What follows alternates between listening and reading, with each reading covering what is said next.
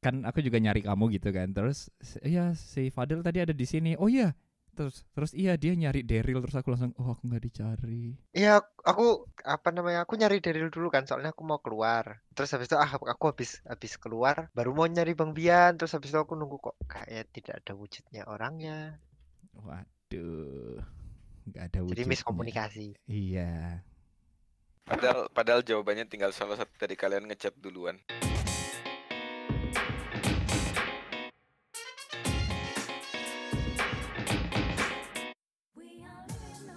Sekarang Halo.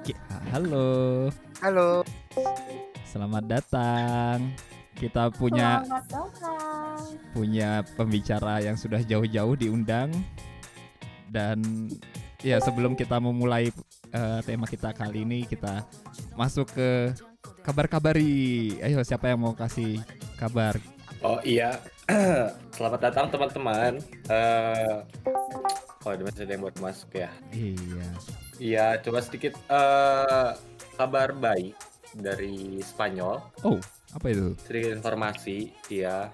Jadi di Spanyol bulan lalu, eh tepatnya di Taman Nasional Inverne Dairo, Deiro, sorry, eh terlihat satu, seekor beruang coklat pertama sejak 150 tahun eh, belakangan ini.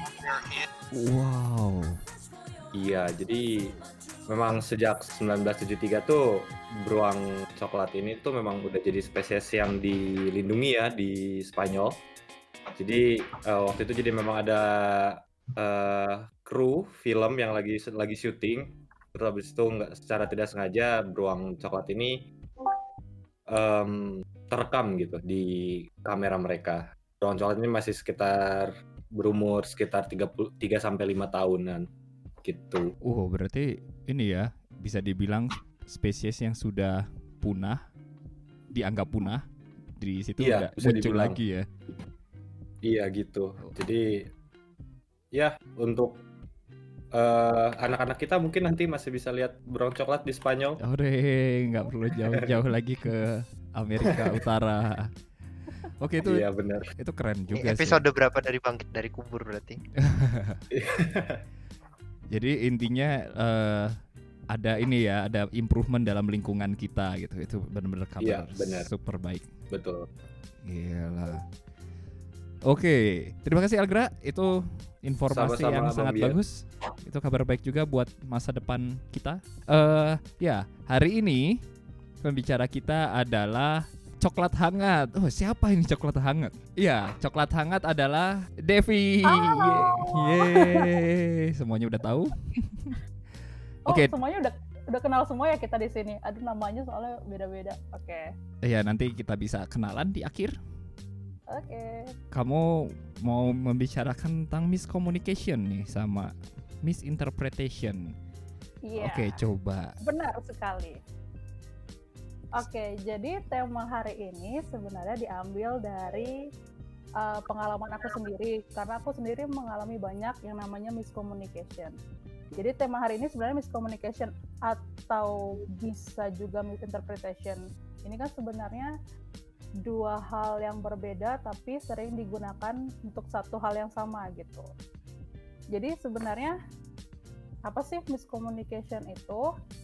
Kan komunikasi itu bisa diartikan secara gampangnya adalah eh, seperti suatu proses penyampaian pesan dari seorang pengirim pesan kepada seorang penerima pesan. Nah, sedangkan miskomunikasi itu sendiri bisa diartikan sebagai suatu kegagalan dalam proses komunikasi ini sendiri. Em, miskomunikasi bisa diartikan sebagai suatu kegagalan dalam komunikasi. Sedangkan misinterpretasi itu sendiri adalah kesalahan, kesalahpahaman dalam menginterpretasikan suatu hal atau suatu gagasan atau suatu ide. Jadi sebenarnya em, pada saat kita miskomunikasi, kita secara tidak langsung juga itu adalah misinterpretasi gitu. Dan sebenarnya siapa aja sih yang pernah mengalami miskomunikasi? Aku yakin kita semua di sini pasti pernah ngalamin itu. Em, di mana pun pada saat mungkin mamah nyuruh beli ke warung, nyuruh beli tepung 3 kilo, tapi kita dengernya malah 5 kilo. Jadi kita belinya malah 5 kilo tepung. Contohnya kayak gitu. Terus, em, kapan sih sebenarnya miskomunikasi ini bisa terjadi? Sebenarnya pada saat kita ngomong pun sekarang itu bisa terjadi. Jadi misalnya aku ingin menyampaikan suatu gagasan, tapi kalian nangkepnya salah, itu pun bisa terjadi saat ini gitu. Jadi kalau misalnya nanti aku ada mengutarakan suatu hal ya yang menurut kalian tidak mengenakan atau gimana atau kita semua di sini ada mengutarakan suatu hal, kita sebaiknya uh, berpikir ulang dulu terlebih dahulu untuk mencerna sebelum kita uh, menunjuk orang itu gitu. Sekarang um, setelah aku uh, ber apa ya browsing di internet dan juga dari ada salah satu profesorku di uh, universitas sebenarnya komunikasi miscommunication itu adalah hal yang sangat mungkin terjadi gitu dalam suatu komunikasi dalam suatu percakapan lah se seperti itu. Mm-hmm. Kenapa? Karena uh, memang ada teorinya gitu. Jadi sebenarnya ini menurut Profesor Klaus ya, jadi dosen pelajaran interpersonal skill di TU Clausthal. Dalam ilmu komunikasi ada yang namanya teori konstruktivisme. Jadi teori ini menyebutkan bahwa informasi yang diterima oleh uh, penerima akan diproses sesuai dengan filter. Jadi filter ini bisa berupa pengalaman, bisa berupa lingkungan kita, di, mana kita hidup dan tinggal, bisa juga kondisi biologi otak kita, apakah otak kita sehat atau mungkin mengalami gangguan sesuatu. Jadi melalui beberapa proses filter ini, um, pesan yang disampaikan oleh pengirim bisa bermakna bermacam-macam terhadap si penerima itu sendiri gitu. Itu artinya kita sebenarnya membangun realitas sendiri di dalam pikiran kita. Itu menurut Profesor Klaus. Tapi ada juga, uh, namun ada juga uh, sebenarnya bukan namun sih, karena ini teorinya sama-sama sebenarnya saling mendukung gitu. Uh, jadi ada teori kedua, namanya bisa disebut sides model. Jadi um, teori Forsyth model atau juga disebut four ears model. Jadi teori empat telinga yang dikemukakan oleh ahli komunikasi Jerman bernama Friedman Schultz von Thun. Model ini menunjukkan bahwa setiap ekspresi verbal memiliki empat sisi yang harus diperhatikan ataupun dipertimbangkan jadi mengabaikan satu saja sisi tersebut akan meningkatkan resiko kesalahpahaman dalam berkomunikasi. Dalam model ini, uh, uh, pengirim mengirimkan empat lapisan informasi dan penerima digambarkan memiliki empat telinga. Jadi satu uh, bisa disebut pada saat kita meng, mengutarakan satu suatu informasi, sebenarnya informasi yang kita utarakan itu memiliki empat macam lapisan. Apa aja lapisan itu? Yang pertama disebut factual information. Jadi uh, informasi yang sebenarnya, jadi objek objek atau informasi yang memang benar-benar kita ucapkan. Misalnya aku nanya ke Bang Bian, eh, Bang Bian, Bang Bian udah masak belum sih? Nah, faktual informationnya itu adalah Bang Bian, aku nanya Bang Bian udah masak belum gitu. Mm-hmm. Nah, yang kedua ada yang namanya appeal. Appeal ini bisa berarti uh, desire. Desire itu keinginan kita atau instruksi. Jadi bagaimana kita menyampaikan pesan itu gitu apakah aku nyampeinnya baik-baik? Misalnya Bang Bian udah masak belum sih? Itu kan kesannya kayak uh, menyuruh ya atau yeah. gimana mengkoman gitu. Uh, atau mungkin aku eh, ngungkapinnya baik-baik misalnya eh Bang Bian udah masak belum? Gitu. Itu kan nadanya berubah. Di situ kan kelihatan itu eh, gimana cara kita nyampein pesannya.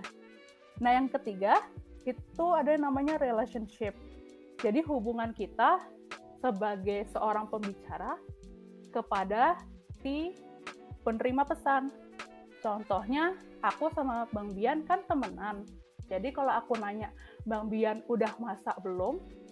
Kan itu ya ya Bang Bian mungkin sebagai penerima pesan ya biasa-biasa aja kan kita temenan gitu. Tapi Hmm. misalnya aku sama Bang Bian ber- eh, ternyata enemy gitu ya musuh, aku nanya gitu kan Bang Bian pasti kayak ini anak ngapain nanyain gue udah masak gitu. Kan kesannya jadi berbeda gitu.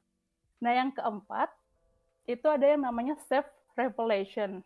Ini bisa diartikan sebagai implicit information. Jadi sebenarnya si pemberi pesan ini mau ngasih informasi apa sih kepada si penerima pesan? Contohnya kayak tadi lagi, aku nanya, Bang Pian udah masak belum sih? Aku ngomong gitu, tapi sebenarnya motifku yang aku mau ngomong itu adalah aku sebenarnya pengen Bang Bian itu masak dan aku minta masakannya Bang Bian gitu loh. Jadi aku Ah. pengen jawaban yang Bang Bian kasih ke aku adalah ah, aku ini mau masak bentar lagi ntar ya udah masak bareng-bareng aja buat kita berdua misalnya contohnya gitu. Aku pengen jawab Bang Bian jawabannya gitu gitu. Tapi kalau aku mengabaikan salah satu dari empat layer ini bisa saja Bang Bian jawabannya bisa eh, apa ya kayak marah-marah karena aku mungkin nadanya tinggi. Bang Bian udah masak belum sih? Jadi kesannya dia aku kayak mengoman apa ya mengomando Bang Bian untuk masak. Kan Bang Bian per- perasaannya lu ngapain sih apa nyuruh gue masak? Kan bisa kayak gitu jawabannya. Atau Bang Bian memang jawabannya bisa kayak yang aku inginin gitu loh. Kalau misalnya memang aku benar menyampaikan pesan yang tadi gitu Mhm. Contohnya seperti itu. Jadi intinya setelah aku melihat teori-teori ini, orang itu mempunyai realitas dan perspektif masing-masing. Dan kemungkinan untuk terjadi miskomunikasi itu sebenarnya sangat besar gitu. Jadi intinya itu kenapa aku mengangkat tema hari ini. Nah, kemudian em, aku juga berpikir em, ini bisa juga di kita ngomong apa namanya diskusikan di forum kali ini Em, bagaimana miscommunication atau misinterpretation mempengaruhi suatu kelompok sosial dalam berinteraksi sesamanya seperti itu. Contohnya karena miskomunikasi bisa ya menimbulkan perpecahan atau konflik, bisa menimbulkan suatu barrier di antara si penerima dan uh, pemberi pesan dan segala segala macam. Dan ini sebenarnya hal yang aku pikirkan. Jadi sebenarnya miskomunikasi itu bisa nggak sih menjadi suatu penyebab minor lah. Uh, orang disebut sebagai apa ini menimbulkan persepsi people change gitu, orang berubah. Jadi tuh aku lagi berpikir bahwa bisa nggak sih sebenarnya miskomunikasi itu nyebabin orang berubah gitu. Walaupun sebenarnya orang itu nggak berubah, tapi karena miskomunikasi kita yang menerima pesan itu jadinya berpikir kok orang itu berubah gitu. Ya begitu, Hmm. seperti itu. Eh, yang tadi yang kamu bilang inti, eh, yang dari kamu adalah eh, orang punya realitas dan perspektifnya masing-masing ya dalam men- menerima informasi itu. Aku juga sempat dengar di udah lama banget sih ya, aku nggak nggak tahu sumbernya dari mana. Tapi aku juga eh, sempat setuju karena eh, di statement itu dia bilang human hears uh, what he wants to hear. Iya, benar. jadi Hmm, kalau oke. kalau itu enggak apa namanya nggak pleasant gitu ya di telinga dia, dia pasti langsung jadi misalnya agresif atau defensif gitu. Ah, benar. Eh, itu ini aku jadi inget ini statement itu jadinya gara-gara penjelasan kamu tadi. Kalau aku kasih contoh aktual, mungkin eh, kalian semua pernah baru-baru ini banget ada ada apa ya tagline itu namanya hashtag atau apa tentang eh, Black Lives Matter pernah dengar? Ya, dengar. Pernah. Ya apalagi kemarin hari Selasa kemarin ada Tuesday Black a- apa pun itu. Jadi wow banyak banget yang matiin listrik lah atau ngepost gambar hitam doang di Instagram. Nah, ya ini dia yang mau diomongin. Jadi eh, kan sekarang itu tagline-nya itu Black Lives Matter gitu ya. Itu awalnya bukan itu. Awalnya itu eh, All Lives Matter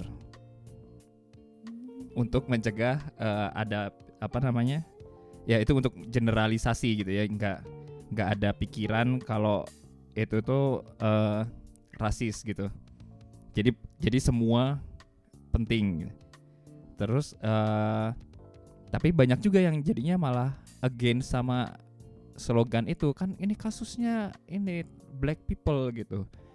Dan orang tersebut yang against ngasih analogi gitu. Misalnya kalau ada pemadam kebakaran terus ada rumah yang kebakar semua rumah disemprot pakai air gitu. Padahal yang kebakar cuma satu rumah. Ya emang semua rumah penting kan? Eh, rumah kamu juga penting. Tapi apakah rumah kamu kebakaran yang kebakar tuh rumah yang sebelah gitu. Nah dari situ akhirnya eh, analoginya dianggap oke kita ganti jadi Black Lives Matter kita fokus ke black. Tapi pada kenyataannya sekarang ada juga yang orang-orang dari Asia bilang oh jadi cuma black aja yang sekarang dinaikkan. Kami juga ada yang tertindas nih kami juga terbully. Terus akhirnya eh, jadilah konflik. Eh atau atau ini contoh yang lebih simpel lagi. Ini aku ngerasain sendiri. Khususnya anak laki-laki mungkin bisa relate. Jadi eh mayoritas laki-laki ngerasa kalau eh perbuatan baik atau niat baik dari se- seorang perempuan itu tuh eh merupakan eh apa ya kayak menunjukkan seksual interest terhadap si laki-laki ini gitu. Jadi kayak oh dia suka nih sama gue. Dia love nih, in love nih. Terus akhirnya si cowoknya ngedeketin dan ternyata malah "Mak, mau kita temenan aja, kamu salah mikirnya gitu. Itu itu kalau itu aku eh, ya pernah ngalamin juga. Jadi di situ ada misinterpretation dan miscom. Kalau eh ya. Tadi Devi Lanjut Bang Bian. Lanjut Bang Bian.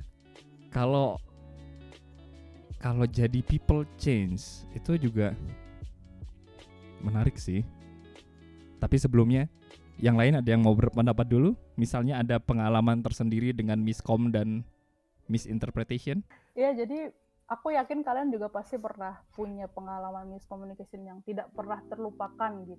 Sampai sekarang pun masih diingat karena pengalaman ini membuat kalian malu atau pengalaman ini membuat kalian tersadarkan akan sesuatu atau bagaimanapun. Eh, kalau kamu apa tuh pengalamannya? Ada nggak Ah, yang mau di jadi- share yang ya yang ringan-ringan gitu kayak kayak aku tadi yang misalnya aku salah misinterpretasi soal perempuan. Aku bisa ngasih pengalaman contohnya jadi ini aku baru menyadari kalau ini adalah miskomunikasi sebenarnya pada saat aku udah kuliah. Jadi aku udah di Jerman gitu. Mhm. Kenapa? Karena pengalaman ini entah kenapa selalu terpikirkan gitu. Kalau aku lagi menung, aku lagi terpikirkan tiba-tiba ke flashback ke pengalaman itu. Entah kenapa gitu. Kayaknya sepertinya yang maha kuasa itu menunjukkan, eh kamu kayaknya melakukan sesuatu kesalahan di situ gitu. Dan aku harus sadar. Jadi kejadiannya itu waktu SMP sebenarnya. Nah di SMP itu kan ada pelajaran bahasa Indonesia ya gitu. Nah terus si Pak Guru milih siapa nih muridnya yang disuruh bacain gitu, bacain bukunya. Nah, kebetulan aku yang disuruh milih, eh, aku yang disuruh baca. Oke, aku baca. Nah, tapi temenku ada yang ngomong, eh, kok kamu terus yang disuruh baca gitu. Nah, terus aku ya aku sebenarnya nggak ada niat apa apa maksud aku aku langsung ngomong sirik itu tanda tak mampu gitu nah ini kan statement sirik tanda tak mampu ini aku maksudnya adalah ya berarti kan gimana ya kayak ini kayak aku tuh sebenarnya cuma ngomongin itu untuk mainan gitu kayak bercandaan aja gitu. Artinya kemampuannya dia dalam dalam hal itu dalam hal untuk membacakan itu ya kurang mampu gitu. Cuman itu cuma bercandaan doang biasa bercandaan anak SMP gitu. Nah entah kenapa di satu titik itu teman-teman satu kelas aku inget banget itu teman-teman satu kelas terus aku juga ngeliat pak gurunya gitu kayak langsung terdiam gitu terus rautnya kayak ya istilahnya kurang menyenangkan lah gitu nah terus aku di situ kan nggak ngerti ya kenapa aku padahal cuma bercanda gitu dan menunjukkan statement itu tapi kenapa mereka rautnya kayak gitu gitu. Tapi ya udahlah gitu selesai dalam hari itu. Nah kemudian kejadiannya lagi ada eh, waktu kenaikan kelas. Jadi kan orang tua murid biasalah ngumpul-ngumpul ambil rapot gitu. Dan gurunya kan juga ngasih informasi dan segala macam. Entah kenapa ibunya si temanku ini yang aku tadi ngomongin tadi dia langsung bicara di depan kelas langsung ngomong iya kenapa anak saya dibilang orang miskin gitu. Terus kita semua kayak kaget gitu kan hah siapa emangnya kita ada yang pernah ngejekin. Ah nggak pernah gitu. Aku juga misalnya ngerasanya kayak hah ini orang sensitif banget sih orang kita nggak pernah ngejekin gitu. Nah aku tuh di aku nggak pernah nyadar kalau sebenarnya kata-kata ibunya itu bisa membilang ada yang ngejekin anak yang miskin itu dari aku gitu loh. Karena aku waktu itu bilang kan sidik tanda tak mampu. Nah padahal yang, maksud, yang aku maksud itu adalah kemampuannya dia dalam berbahasa Indonesia gitu. Bukannya dalam hal kemampuan finansial gitu. Jadi ini kan sebenarnya suatu miskomunikasi ya. Dan miskomunikasi itu benar-benar dari aku ke semua orang gitu. Karena gurunya juga aku ngerasa dia juga miskomunikasi teman-temanku juga ngerasa miskomunikasi gitu. Ini pengalaman yang tidak pernah terlupakan karena aku selalu keinget-keinget sampai di satu ti- titik aku menyadari oh di situ aku miskomnya gitu. Gitu deh ceritanya kenapa aku milih. Udah damai sama temannya. nah itu dia bapak kenapa aku selalu kepikiran. Karena Udah damai. aku kepikirannya itu di Jerman dan itu kejadiannya sudah lama Mhm.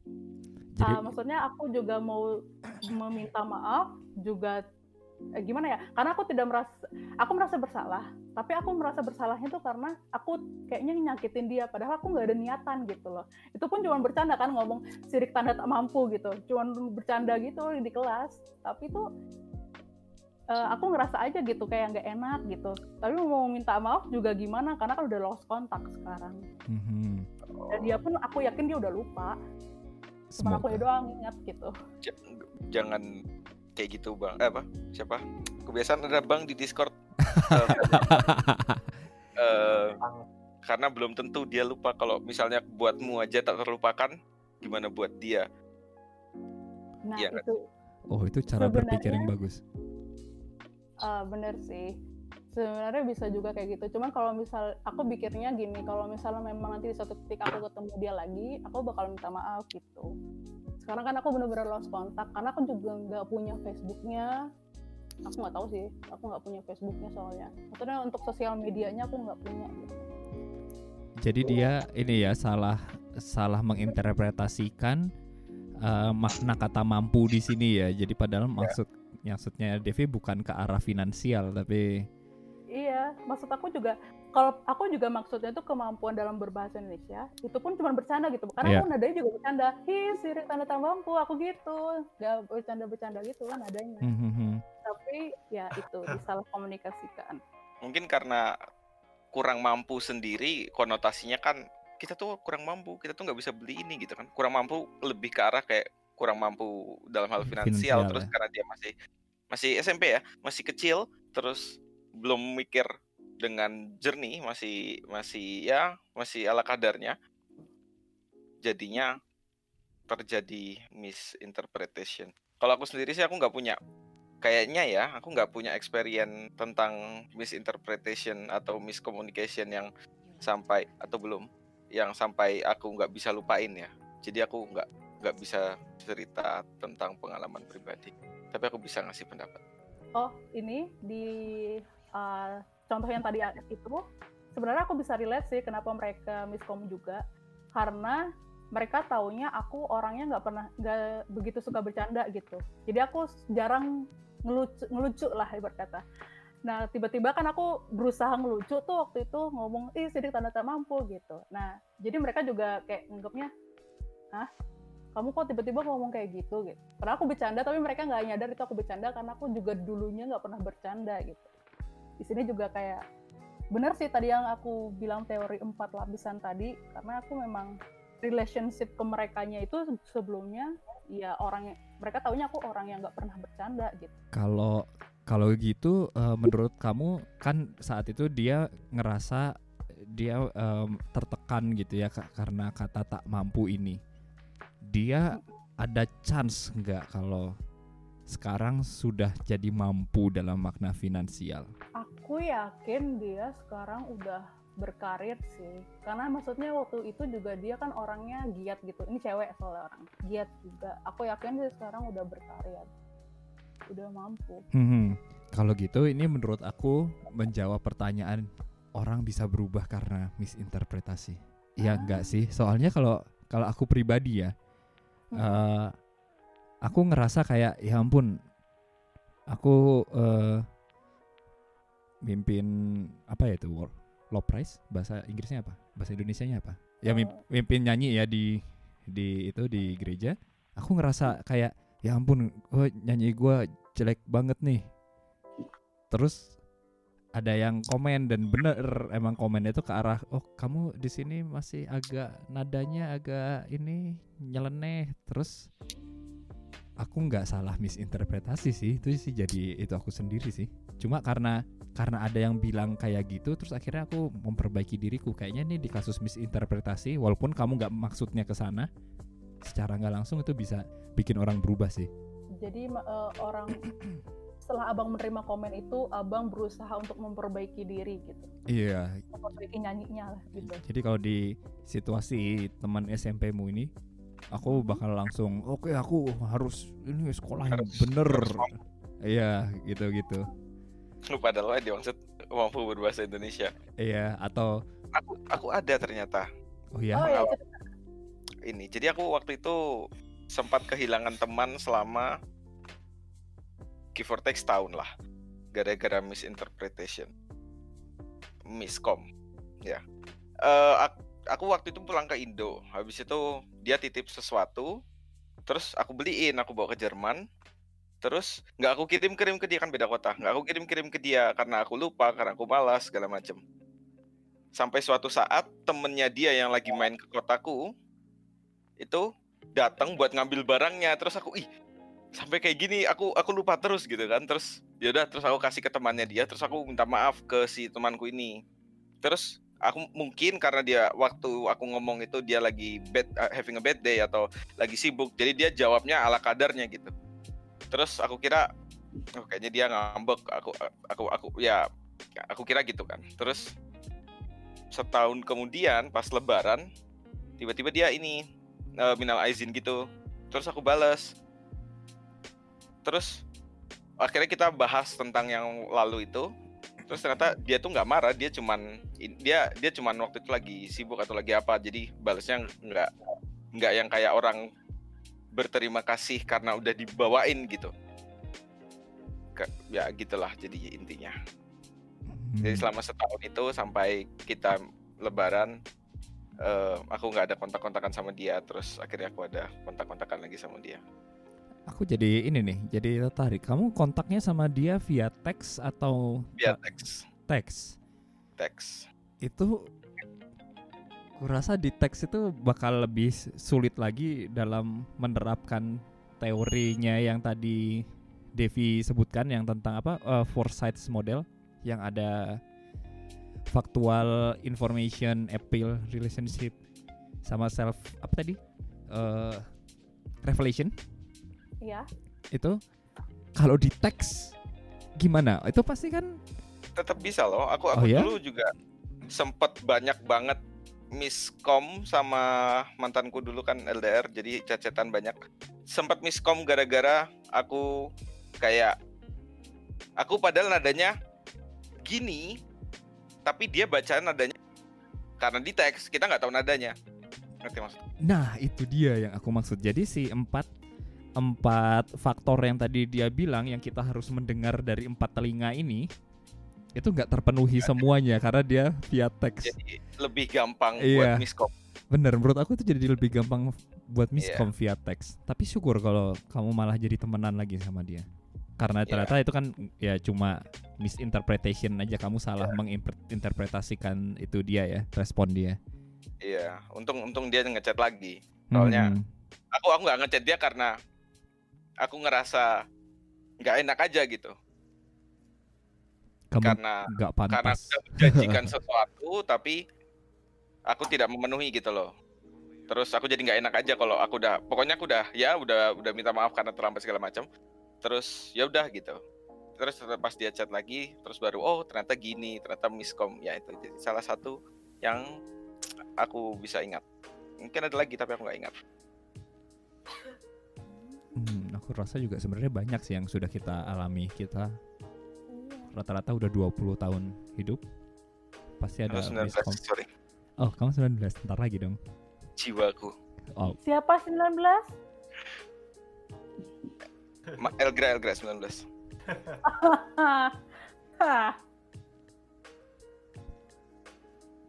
Tapi sebenarnya kalau misalnya untuk dipesan sendiri, aku lebih seringnya itu kalau kesalahan dalam pemakaian emoji sih. Jadi aku maksud pesannya apa, tapi emojinya salah. Misalnya pesannya bahagia, tapi aku pesannya malah nangis, emoji nangis-nangis itu kan eh, awkward gitu. Tidak tersampaikan dengan baik. eh ya itu benar juga pakai emoji di teks itu penyebab penyebab misinterpretation yang paling tinggi menurutku. Tapi Sama- bisa juga jadi benar. sama tanda baca sih biasanya. Oh iya tanda baca. Tanda baca itu ngaruh juga. Tanda seru itu paling sering. Kadang-kadang orang menginterpretasikan tanda seru itu Marah. imperatif kan, Mhm. atau nada. yang Padahal kayak mungkin bisa aja lagi, wow hebat sekali, tanda tanda seru gitu kan, atau gimana gitu. Aku kayaknya sekarang tanda seru udah jarang dipakai gara-gara ada caps lock deh. ada caps lock. Jadi semuanya Oh, iya. huruf besar ya. Soalnya aku pernah misalnya ada yang nanya kabar gitu ya atau atau hal eh, ngasih nanya sesuatu yang terus aku jawabnya itu sebenarnya dia ngomong sesuatu yang nggak nggak mengenakan buat aku tapi karena aku balasnya pakai titik dua tutup kurung yang jadi yang jadinya senyum jadi dia pikir oh si Bion nggak masalah diginiin gitu.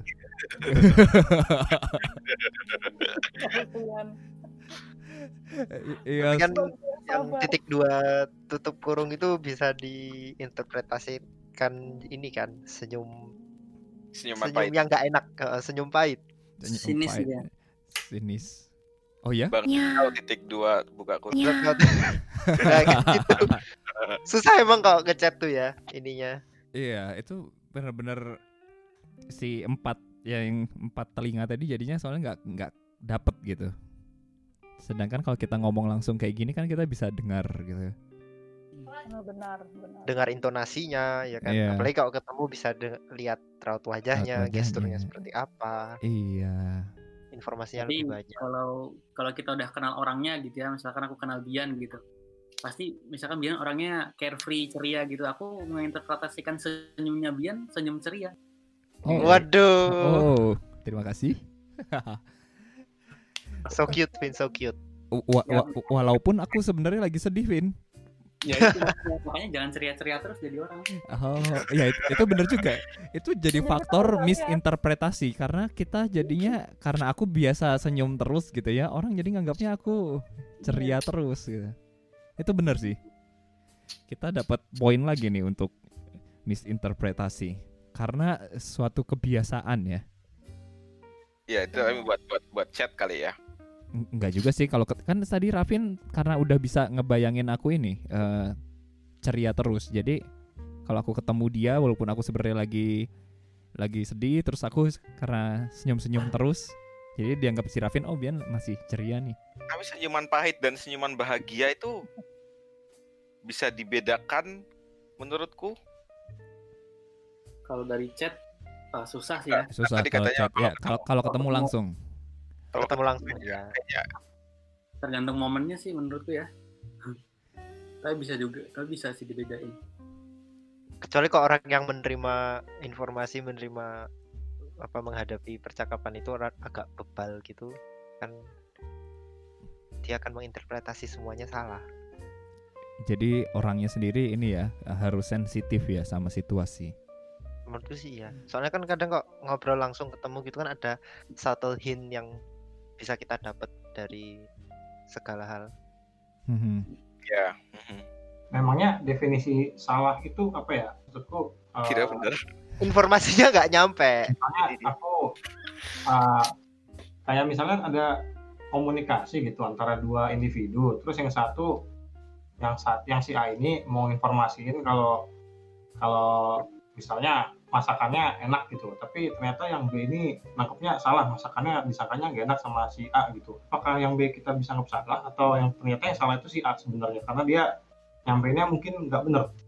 Ya memang banyak unsurnya sih pertama dari bagaimana orang itu menyampaikan kedua Iya, dengan, tadi ya. dengan bagaimana orang itu menerima orang kedua menerima Menerima. rasa gitu Nah, jadi kalau kalau aku pikirin lagi ya, menurutku sebenarnya eh, terlepas dari tadi faktor-faktor yang udah eh, Mbak Devi sebutkan tadi, eh, menurut aku ada faktor lain sih yang cukup penting menurutku yaitu mungkin bisa dibilang suasana hati dari si penerima informasi atau mungkin bukan suasana hati kali ya, kayak mungkin kondisi kon Mental.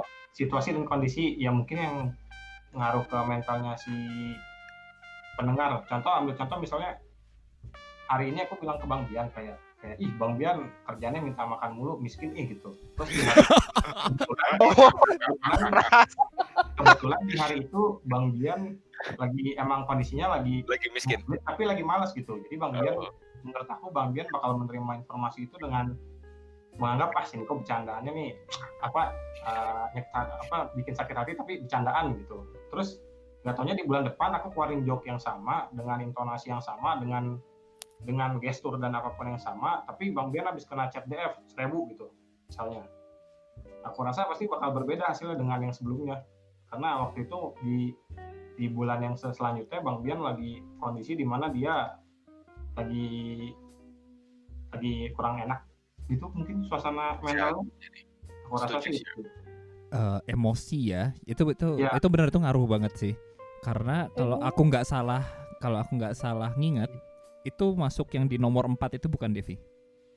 Bisa masuk nomor 4, bisa juga masuk ke teori yang eh, sebelumnya yang teori konstruktivisme. konstruktivisme oke. Jadi yang filter itu, jadi kalau misalnya Bang Bian tiba-tiba kena CDF kan berarti dia kondisi psikologi, kondisi mungkin kondisi ya emosinya sedang berubah, jadi filternya juga berubah gitu. Filter yang sebelumnya dia kondisi senang, Hmm. tiba-tiba jadi kondisi tidak mengenakan, jadi yang diterima juga berbeda gitu. ya jadi Hmm. solusinya menurutnya bang Niko harus difilter juga Ya itu itu tolong filternya harus yang bagus kalau sampai ngomong kayak gitu mah. Tuh jadi kita emang harus ngomong yang baik-baik cowok nggak boleh Oke, kalau dari dari pengalamanku ya dengan miskom ini cukup banyak sebenarnya, tapi yang aku keselin ini miskom ini jadi salah satu problem yang aku rasa kayak nggak ada endingnya. Contoh misalnya paling banyak itu aku alami miskom itu ketika eh, berkutat di PPI kemarin. oh oh oh, Oh. Waduh. Akhirnya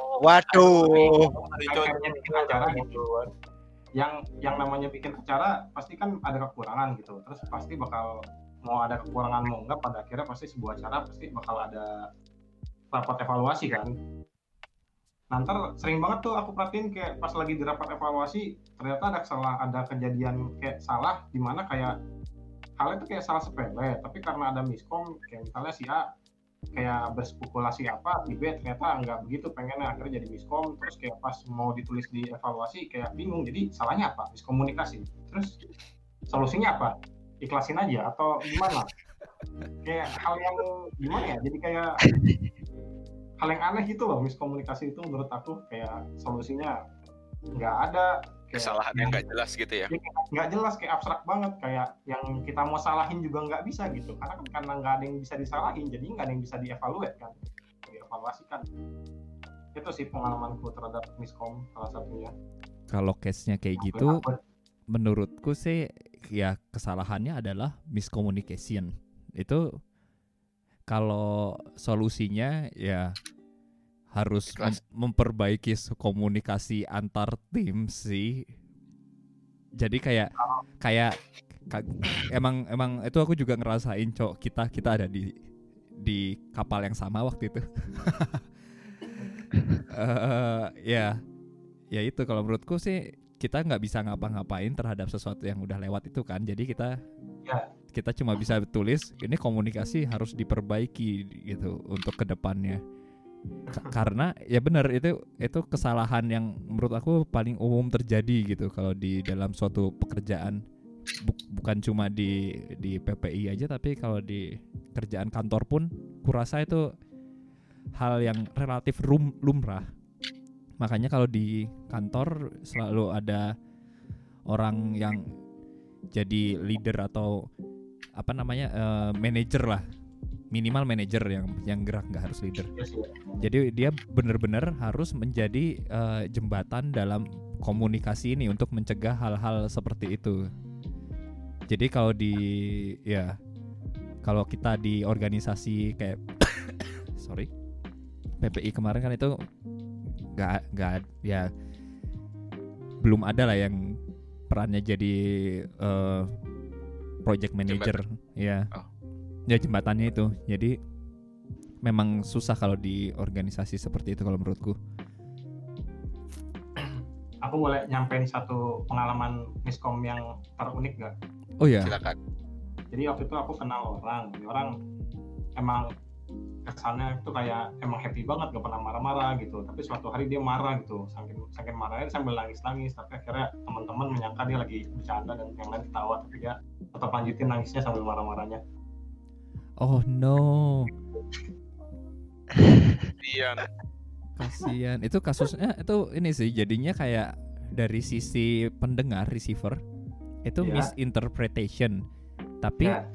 kalau kita mau bilang miskom itu karena si sayangnya ya sayangnya si yang apa tadi receiver sama sender Sender. ya si sendernya ini si pemberi pesannya ya itu tadi karena gak emosinya meluap-luap jadinya aspek yang lainnya jadi berkurang kan jadi nggak nggak tersampaikan kalau itu tuh benar kalau dia sedih atau ya karena karena kebiasaan tadi gitu. Orang-orang taunya dia serba ceria.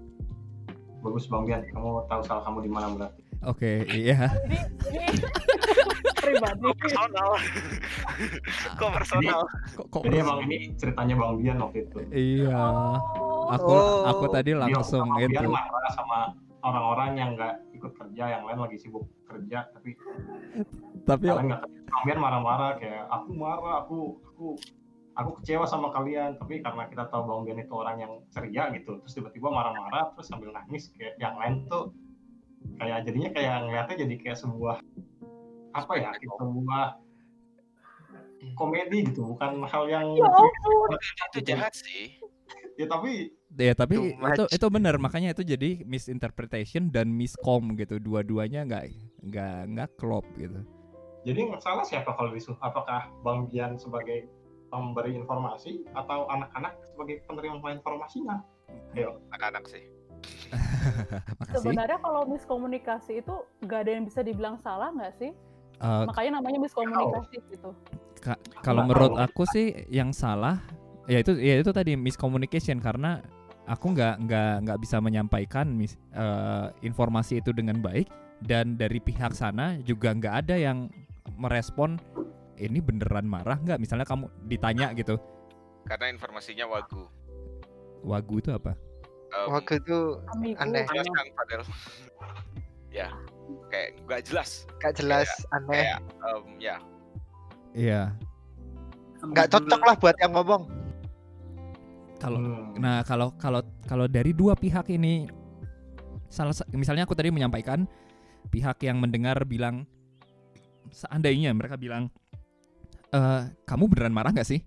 Maka aku jawab aku beneran marah akhirnya tidak ada miskom Cuma kan di di di, di- nah itu dia di di case tertentu komunikasi itu nggak nggak nggak terbangun kan jadinya.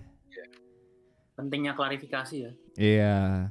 Makanya harus bikin video konfirmasi. Bang konfirmasi. Di YouTube. Jadi youtuber klarifikasi. wanjir Tapi Bang Bian maaf ya aku salah satu yang ketawa dalam hati waktu itu. Jujur.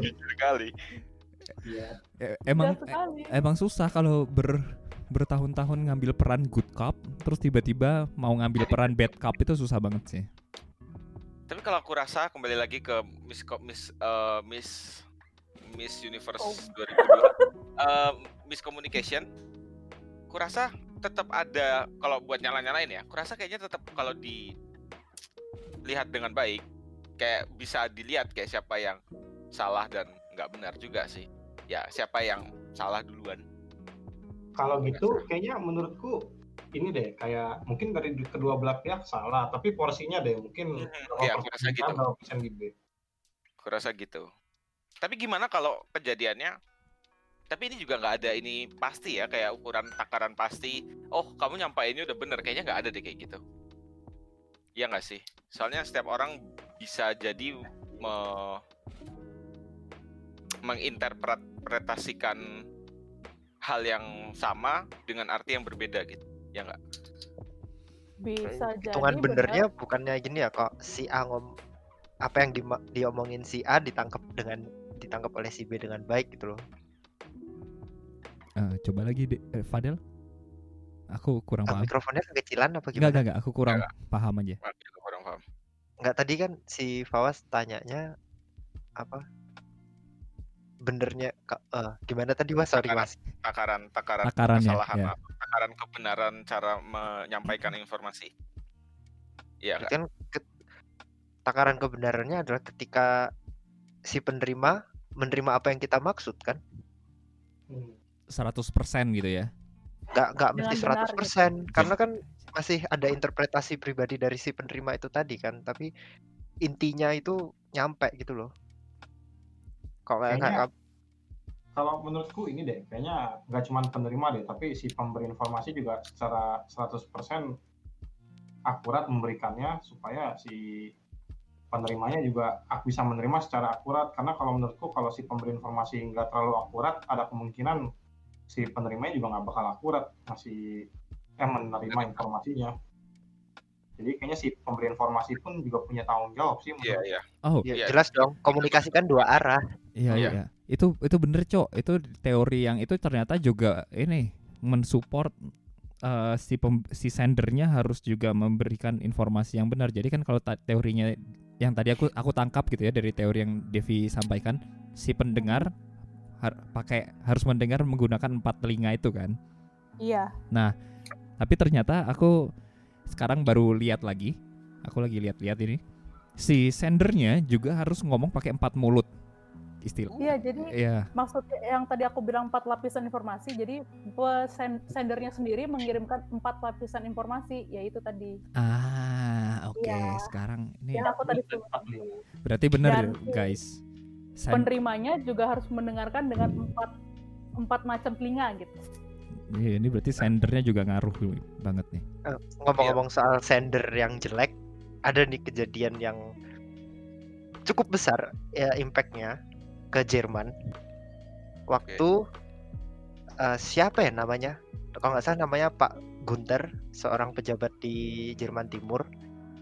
Waktu itu mereka mau eh, bikin aturan biar orang Jerman Timur bisa ke Jerman Barat. Tapi kan bikin peraturannya itu dengan maksudnya dengan paperwork yang bener gitu loh dengan urutan mereka harus paspor visa dan segala macam.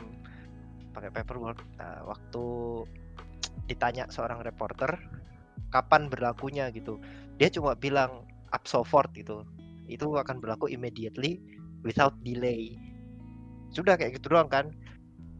Impactnya adalah terus orang kan berbondong-bondong ke ini kan ke mana Ke ABH lah gitu ya atau kan- kantor KBH, malah imigrasi. ke perbatasannya Ah karena minta minta portalnya dibuka karena up so far immediately without delay. Hmm. Mereka dia nggak ngasih tahu soal paperwork dan sebagainya.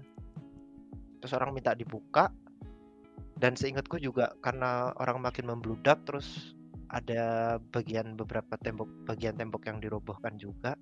Dan itu yang apa namanya? Yang mengawali runtuhnya tembok Berlin. Uh. Berarti bener juga misinterpretation, miscommunication karena kesalahan entah sender maupun eh, receiver itu Mm-mm. menyebabkan Sangat. konflik.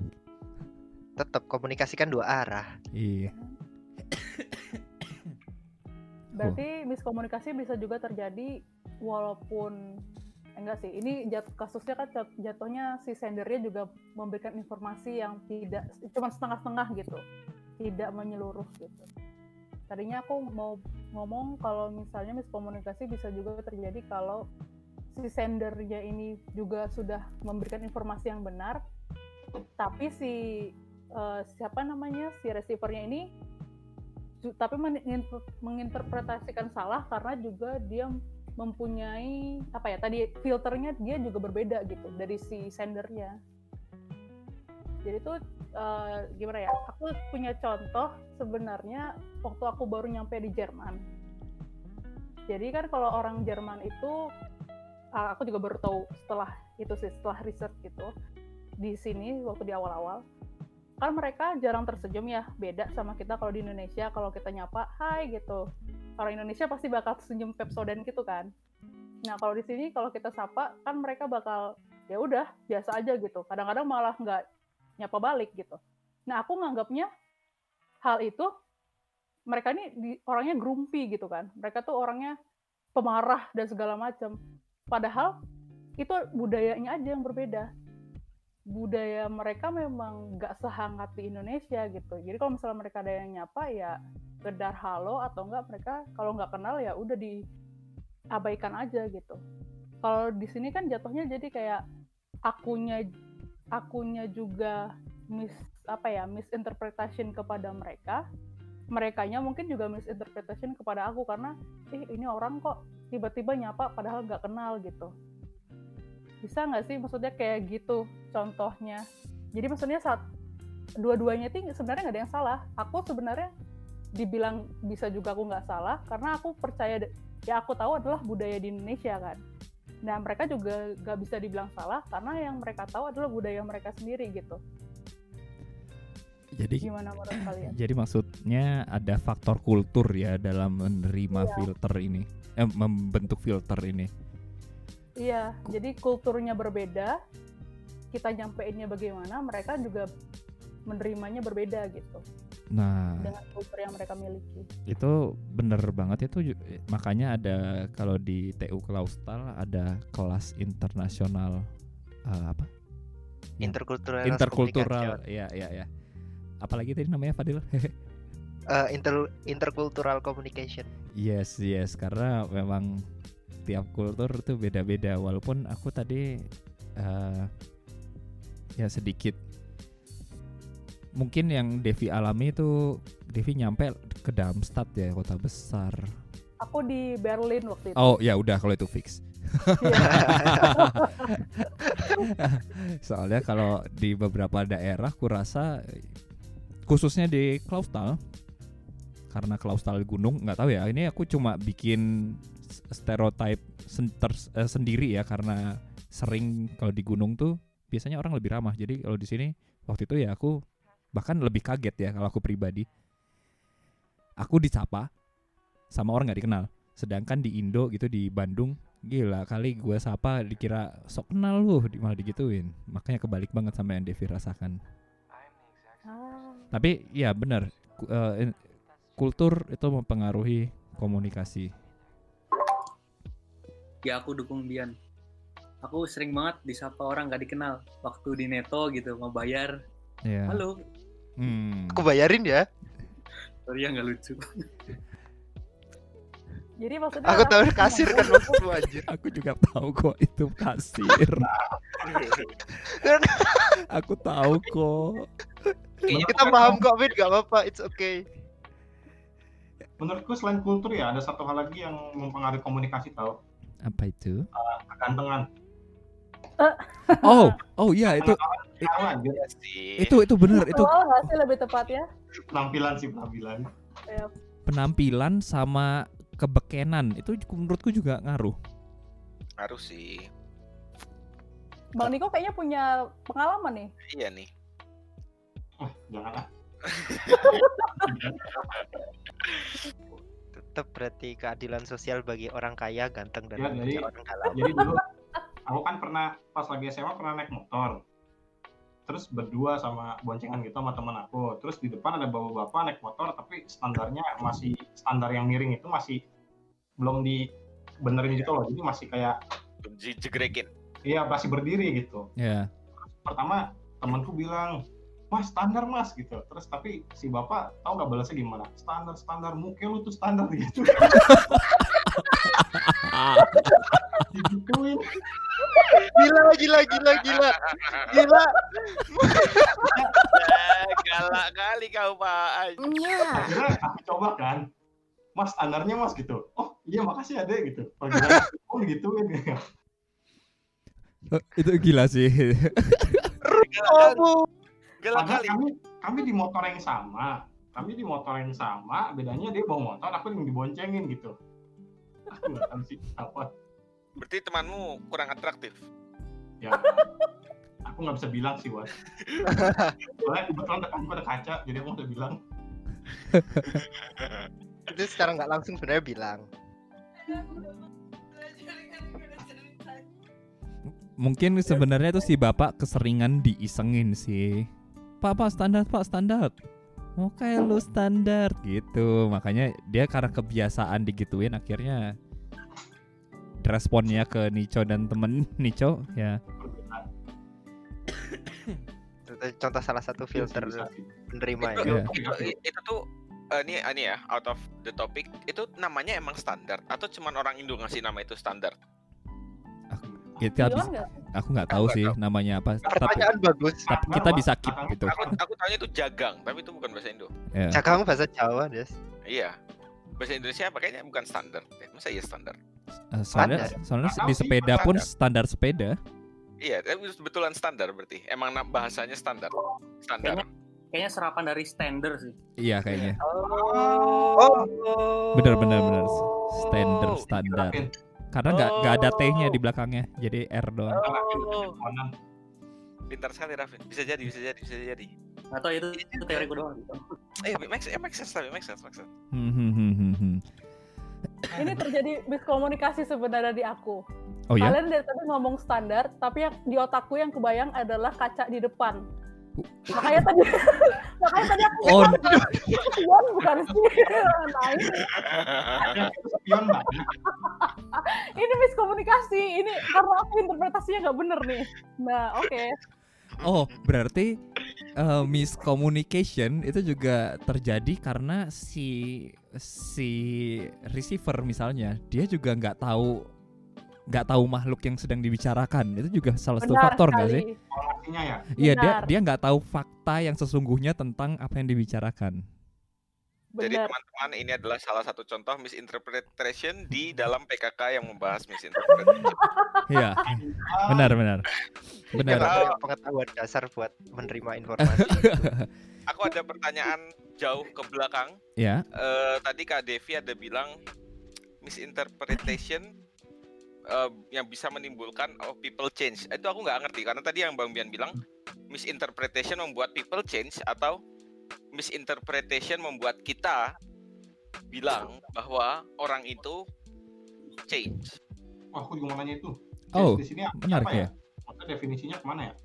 Jadi Oh, ini aku itu terlalu jauh tapi ini dulu yang yang simpelnya dulu pertanyaanku tuh kayak gitu. Jadi ini eh, yang aku tadi utarakan itu aku cuman ingin menurut pendapat kalian gitu. Eh, jadi gimana sih kalau misal miscommunication itu bisa membuat orang berpikiran bahwa temennya atau siapa pun selain dia itu berubah gitu. Orang yang dia tahu itu berubah. Jadi aku tuh kepikiran contoh kayak gini. misalnya em, ada si bunga si bunga ini dulunya hidup susah gitu terus beberapa tahun kemudian dia sekarang udah berkarir dia hidup punya mobil dan dia punya rumah. Nah dulu waktu dia hidup susah waktu tetangganya minta tolong terus si bunga nggak bisa menolong kan tetangganya wajar. Tetangganya itu nganggap wajar karena si bunga juga hidupnya kan susah gitu. Nah sekarang setelah dia sukses waktu si bunga tidak bisa membantu tetangganya tetangganya itu malah nganggap si bunga itu sombong. Padahal kan belum tentu si bunga itu bukan yang nggak mau membantu bisa jadi si bunga ini memang punya Nggak suatu keadaan yang nggak bisa bantu gitu loh jadi si tetangganya itu kan darinya tadinya dia beranggapan si bunga ini baik-baik aja sekarang dia beranggapan si bunga ini kok jadi sombong gitu kan dia jadi berubah kan persepsinya dia Oh. Nah, itu. Jadi aku bisa aku lagi cuman apa ya brainstorming gitu loh. Jadi berarti sebenarnya miskom itu bisa menyebabkan people change gitu. Dalam artian orang persepsi orang yang berubah terhadap orang itu. Bukan personality orangnya sih yang berubah, tapi ini Ah. dalam sosial gitu ya. Iya. Jadi kayak memandang orang itu jadi berubah gitu ya. Iya. Hmm. Eh dia udah nggak baik lagi sekarang dia sombong nggak kan misalnya. Dia tentang kaya jadi sombong. Hmm. Gak Padahal orang padahal orang orang orang kaya eh orang baik itu karena kaya. Iya karena dia punya uang in a way bener sih. Iya bang Nah. sombong. Iya. What? Amin amin amin. Amin. Eh, eh, jangan dong. Jadi, jadi jadi jadi miskin nanti kamu Bang Bian baik berarti kaya ya. Bang Bian baik. Bang Bian sombong udah jarang numpang makan. Oh, dia, dia kangen ditumpangin makan ya. Oh iya. Ini itu Oh, itu, nanti itu contoh people ya. change itu itu contoh people change yang Ya, yang oh, dijelasin Devi tadi benar benar benar Ya, bisa jadi bisa jadi. Aku Bisa malah Bang jadi. Bian sombong sekarang. benar benar. Karena dulu aku sering minta makan gitu ya coy ya. Oke, jadi eh, cukup jelas ya Fawas ya sekarang yang ini maksud sama Ya. Devi. Nah, terus ya ya ya Ya. merasa ya. Terus wah, kita belajar banyak nih. Ini syukurlah Devi ikut kelas eh, apa namanya interpersonal skill. Nggak semua ikut kelas itu kan aku nggak ada soalnya. Kelas apa itu? Iya untuk Bang Niko ikut kok. belajar untuk ginian. Dari mana? Hah? Kok tahu? Ah, ya, ya iyalah pasti sekelas nggak ya? Iya. ya jadi ya itu kita jadi ya khususnya aku ya, aku jadi belajar tentang teori konstruktivisme ini dan juga foresight model tentang receiver dan sender di mana dua-duanya harus uh, memberikan informasi yang dengan empat kriteria yang tadi sudah disebutin uh, apa ya factual information, appeal, relationship, and self revelation. Tapi ya in a way intinya itu benar sih yang Devi bilang tadi orang punya realitas dan perspektif masing-masing dalam memberi informasi maupun menerima informasi. Dan makanya kita kalau ngomong ya harus difilter dipikirkan baik-baik. Karena impactnya itu besar kita tahu itu. Jangan sampai membuat konflik baru. Kita tutup dulu sesi utama kita. Terima kasih Devi. Terima kasih semuanya. tepuk tangan Bang Bian next time kasih track tepuk tangan biar makin meriah dong. Eh, what di editingnya aja kalau kayak gitu yeay gitu ya Biar seru, biar seru. Gitu-gitu. Eh, bi- biar jadi kayak vlogger vlogger gitu ya